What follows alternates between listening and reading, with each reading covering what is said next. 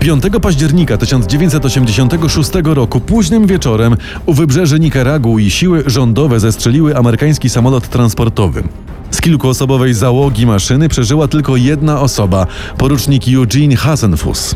Był on specjalnym agentem Centralnej Agencji Wywiadowczej. Władze Nikaragui już po kilku godzinach przekonały się, że celem misji samolotu była dostawa broni, amunicji i ładunków wybuchowych dla nikaraguańskich bojówek Contras. Fakt ten nie wzbudził wówczas większego zamieszania na arenie międzynarodowej. Od dawna było jasne, że Stany Zjednoczone infiltrują sytuację polityczną i militarną w krajach Ameryki Łacińskiej. Ten rejon świata był uznawany za tradycyjną strefę wpływów Waszyngtonu. Tym bardziej taki drobny incydent nie wywołał żadnych reperkusji na łonie amerykańskiej opinii publicznej. Jednak w niecały miesiąc później w jednej z libańskich gazet ukazał się artykuł, który jak już się wkrótce okazało, zatrząsł całym amerykańskim kontynentem. Arabski dziennik donosił, że rząd Stanów Zjednoczonych sprzedaje broń swemu śmiertelnemu wrogowi, irańskiemu reżimowi ajatollahów. Cele tej operacji nie były jasne. Początkowo w tak niewiarygodną wiadomość nie wierzył nikt. Biały Dom nawet nie skomentował tych rewelacji. Jednak już 25 listopada 1986 roku prokurator generalny Edwin Meese na zwołanej konferencji prasowej oświadczył, że środki uzyskiwane na handlu z Teheranem przekazywane były nikaraguańskim opozycjonistom. W Waszyngtonie rozpętało się piekło. Wszyscy pamiętali niedawne słowa prezydenta Ronalda Reagana. You know, Abe Lincoln, the day after his election to the presidency, gathered in his office the newsmen who had been covering his campaign. Dobrze wiecie, że kiedy Abraham Lincoln w dzień wyboru na urząd prezydenta zebrał swoich ludzi i przemówił do nich, powiedział: Chłopcy, wasze kłopoty się właśnie skończyły. Moje się dopiero zaczynają. Lincoln mógł się niepokoić o czasy, w których przyszło mu żyć, ale z pewnością się nie bał. Ja także nie boję się tego, co nas czeka. Nie wierzę, że Amerykanie kiedykolwiek boją się tego, co ich czeka. Te słowa raziły. Przecież wszyscy czuli, że było zupełnie inaczej. Rozpoczynała się afera Iran-Contras. Ten rok będzie rokiem dialogu i negocjacji. Tymi słowami prezydent Ronald Reagan rozpoczynał szósty rok swego urzędowania w Białym Domu. Był niezwykle popularnym prezydentem. W wyborach roku 84 zdobył 96% głosów elektorskich. Powszechnie porównywano go do poprzedniego wielkiego republikańskiego prezydenta Richarda Nixona. Nikt nie mógł jednak podejrzewać, że niemiłe i ciągle bolesne wspomnienia afery Watergate wrócą za prezydentury Ronalda Reagana. Było to niemożliwe. Ten były gubernator Kalifornii nie popełniał żadnych błędów. Budził powszechne uznanie i podziw. W październiku 1984 roku Demokratyczny Kongres uchwalił specjalną ustawę. Zakazywała ona sprzedaży i dostawy broni oraz pomocy finansowej walczącym w Nikaragui antyrządowym bojówkom Contras. Ugrupowania te walczyły z marksistowskim reżimem sandinistów rządzącym krajem od wielu lat. Nowe prawo, zrodzone wśród kontrowersji i sprzecznych komentarzy, zyskało nazwę poprawek Bolanda. Jak się już niedługo okazało, te właśnie przepisy popchnęły Stany Zjednoczone na krawędź wojny domowej. Biały Dom i prezydent Reagan ustawie Bolanda były przeciwne. Republikański prezydent znany był ze swojej bezkompromisowej postawy wobec Moskwy i umacniania sowieckich wpływów na świecie. Tym razem nie miał jednak wyboru. Nowe prawo natychmiast weszło w życie. Nie przeszkodziło to 41. prezydentowi USA na wypowiedzenie słów, które przeszły do historii. General Secretary Gorbachev, Do sekretarza generalnego Gorbaczowa. Jeśli dąży pan do pokoju, jeśli dąży pan do poprawy warunków życia w Związku Radzieckim i w Europie Wschodniej, jeśli dąży pan do liberalizacji, proszę tu podejść i otworzyć te wrota. Proszę zburzyć ten mur. Gorbachev, tear down this wall. Republikańska ekipa została pozbawiona możliwości działania w jednym z państw Ameryki Łacińskiej. Najbliżsi współpracownicy Reagana nie zamierzali jednak bezczynnie czekać. Doniesienia libańskiej prasy, jakoby rząd Stanów Zjednoczonych sprzedawał broń do znienawidzonego Iranu, wywołała w Waszyngtonie prawdziwą burzę. Przecież Teheran jeszcze niedawno przez blisko pół tysiąca dni więził amerykańskich zakładników. Z takim państwem kontakty były przecież wykluczone. A jednak raporty z Bliskiego Wschodu poważnie potraktował prokurator generalny. Szybko i zdecydowanie powołał on specjalnego prokuratora do zbadania kontaktów Białego Domu z reżimem ajatollahów. Lawrence E. Walsh już wkrótce ogłosił wstępne wyniki swojego śledztwa. Były one zbyt niewiarygodne, zbyt fantastyczne. Amerykanom wydawało się, że prokurator Walsh albo zmyśla, albo jest na czyichś usługach. To, co ogłosił, zburzyło mit doskonałego zespołu prezydenta Reagana. Według ekipy dochodzeniowej administracja Stanów Zjednoczonych sprzedawała broń Iranowi w zamian za pomoc w uwalnianiu amerykańskich jeńców przetrzymywanych w Libanie. Uzyskane w ten sposób środki były potajemnie przekazywane nikaraguańskim Contras. Cały proceder był jak najbardziej nielegalny. Co więcej, Biały Dom od dawna twierdził, że nie utrzymuje żadnych kontaktów z irańskimi władzami. Na prezydenta posypały się gromy. We believe that the president.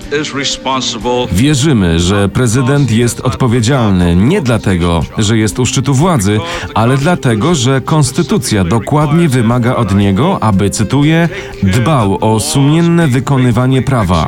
My stwierdziliśmy, że prezydent nie wypełnił tego obowiązku.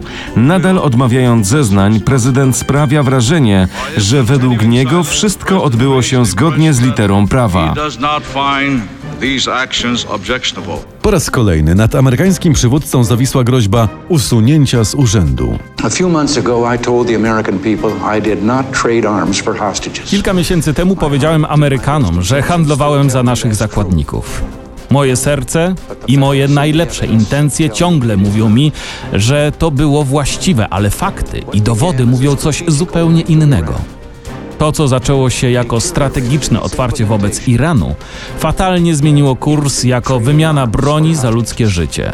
To odbyło się w sprzeczności do moich przekonań, do polityki rządu i do naszych pierwotnych planów. Śledztwo w sprawie działań Białego Domu wobec Iranu i Nikaragui zaczynało nabierać coraz groźniejszego charakteru. Prokurator specjalny za winnych łamania prawa uznał przede wszystkim trzech ludzi blisko współpracujących z prezydentem. W centrum zainteresowania znaleźli się Oliver North i Robert McFarlane, członkowie Rady Bezpieczeństwa Narodowego oraz John Poindexter, doradca prezydenta do spraw bezpieczeństwa. Do dymisji podał się sekretarz obrony Kaspar Weinberger. Sprawą zajął się kongres. Powołano w nim specjalną komisję, która miała zbadać okoliczności afery określanej już miarem Iran-Contras.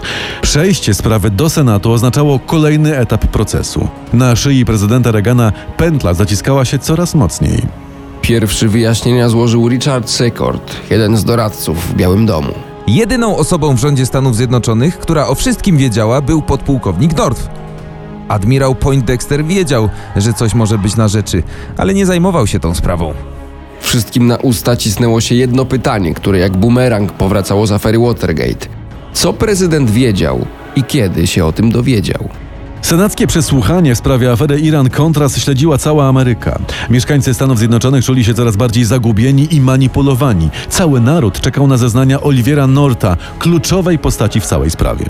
Colonel North, did you make the decision to put some of the proceeds of the arms sales to Iran into an account for the use of the Contras? Panie podpułkowniku, czy podejmował pan jakieś decyzje, aby pieniądze pochodzące ze sprzedaży broni do Iranu przekazywać na konta bojówek Contras? Mr. Hamilton, on the advice of counsel, I respectfully Za radą moich obrońców z pełną powagą i z żalem odmawiam odpowiedzi na to pytanie na podstawie moich konstytucyjnych uprawnień.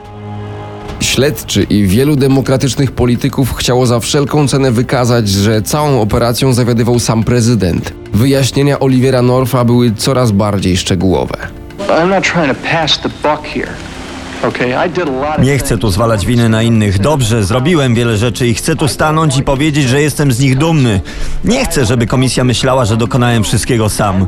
Wiem, że wokoło jest bardzo dużo osób, które twierdzą, że w Narodowej Radzie Bezpieczeństwa już od dawna coś się psuło. Ale to nie jest tak. Ludzie podchodzili do mnie i mówili, jaką świetną pracę wykonuję. People used to walk up to me and tell me what a great job I was doing. Jednak największe kontrowersje wzbudziły te słowa podpułkownika. Rubikon został przekroczony. Padły słowa, o których miliony Amerykanów wolały nie myśleć. And the fact is, there were many, many people. Faktem jest, że wiele, wiele osób, w tym były doradca prezydenta do spraw bezpieczeństwa narodowego, doradca prokuratora generalnego do spraw bezpieczeństwa, dyrektor Centralnej Agencji Wywiadowczej, wiedzieli, że dzieje się coś złego. Jeśli o wszystkim wiedziały tak wysoko postawione osoby, prezydent Reagan nie mógł być nieświadom poczynań swoich najbliższych podwładnych. Prezydent Ronald Reagan znalazł się w bardzo kłopotliwej sytuacji. O ciężkie przestępstwa zostali oskarżeni jego zaufani doradcy. Przed senacką komisją wyświetlone zostały najciemniejsze zakamarki republikańskiej administracji. Amerykański przywódca nie składał jednak broni. Jestem głęboko rozczarowany, że z tej inicjatywy wyniknęły takie kontrowersje. And I regret it's caused such concern and consternation. Żałuję, że spowodowało to tyle zamieszania i obaw. Ale w tym momencie obiecuję, że zadbam o wszystkie sprawy. Mimo takiego zamieszania, amerykańska opinia publiczna nadal ufała gospodarzowi Białego Domu. Dominowało przekonanie, że błędy popełnili współpracownicy prezydenta, a on sam zachował czyste konto. Ronald Reagan potrafił się jednak przyznać do zaniedbań. It's obvious that the execution of these policies was flawed and mistakes were made. Jest oczywiste, że wykonanie naszej polityki było niewłaściwe i błędy zostały popełnione. Prezydent przez cały czas odżegnywał się od operacji przeprowadzanych przez pracowników Białego Domu i Radę Bezpieczeństwa Narodowego. Utrzymywał, że o tajnych poczynaniach CIA i swoich doradców nie wiedział nic. Co więcej, postawę oskarżonych ostro krytykował. There are reasons why it happened, but no excuses. It was a mistake. Są powody, dla których to się stało, ale nie, nie, nie, nie. Nie ma dla tego żadnego usprawiedliwienia. W aferze Iran-Contras skazano 14 osób. Prezydentowi Reaganowi nie postawiono żadnego zarzutu. Pomimo olbrzymiego skandalu bohaterem narodowym został główny aktor całej sprawy Oliver North. Amerykanie powszechnie wierzyli, że działał on dla dobra narodu. Jego imię skandowano.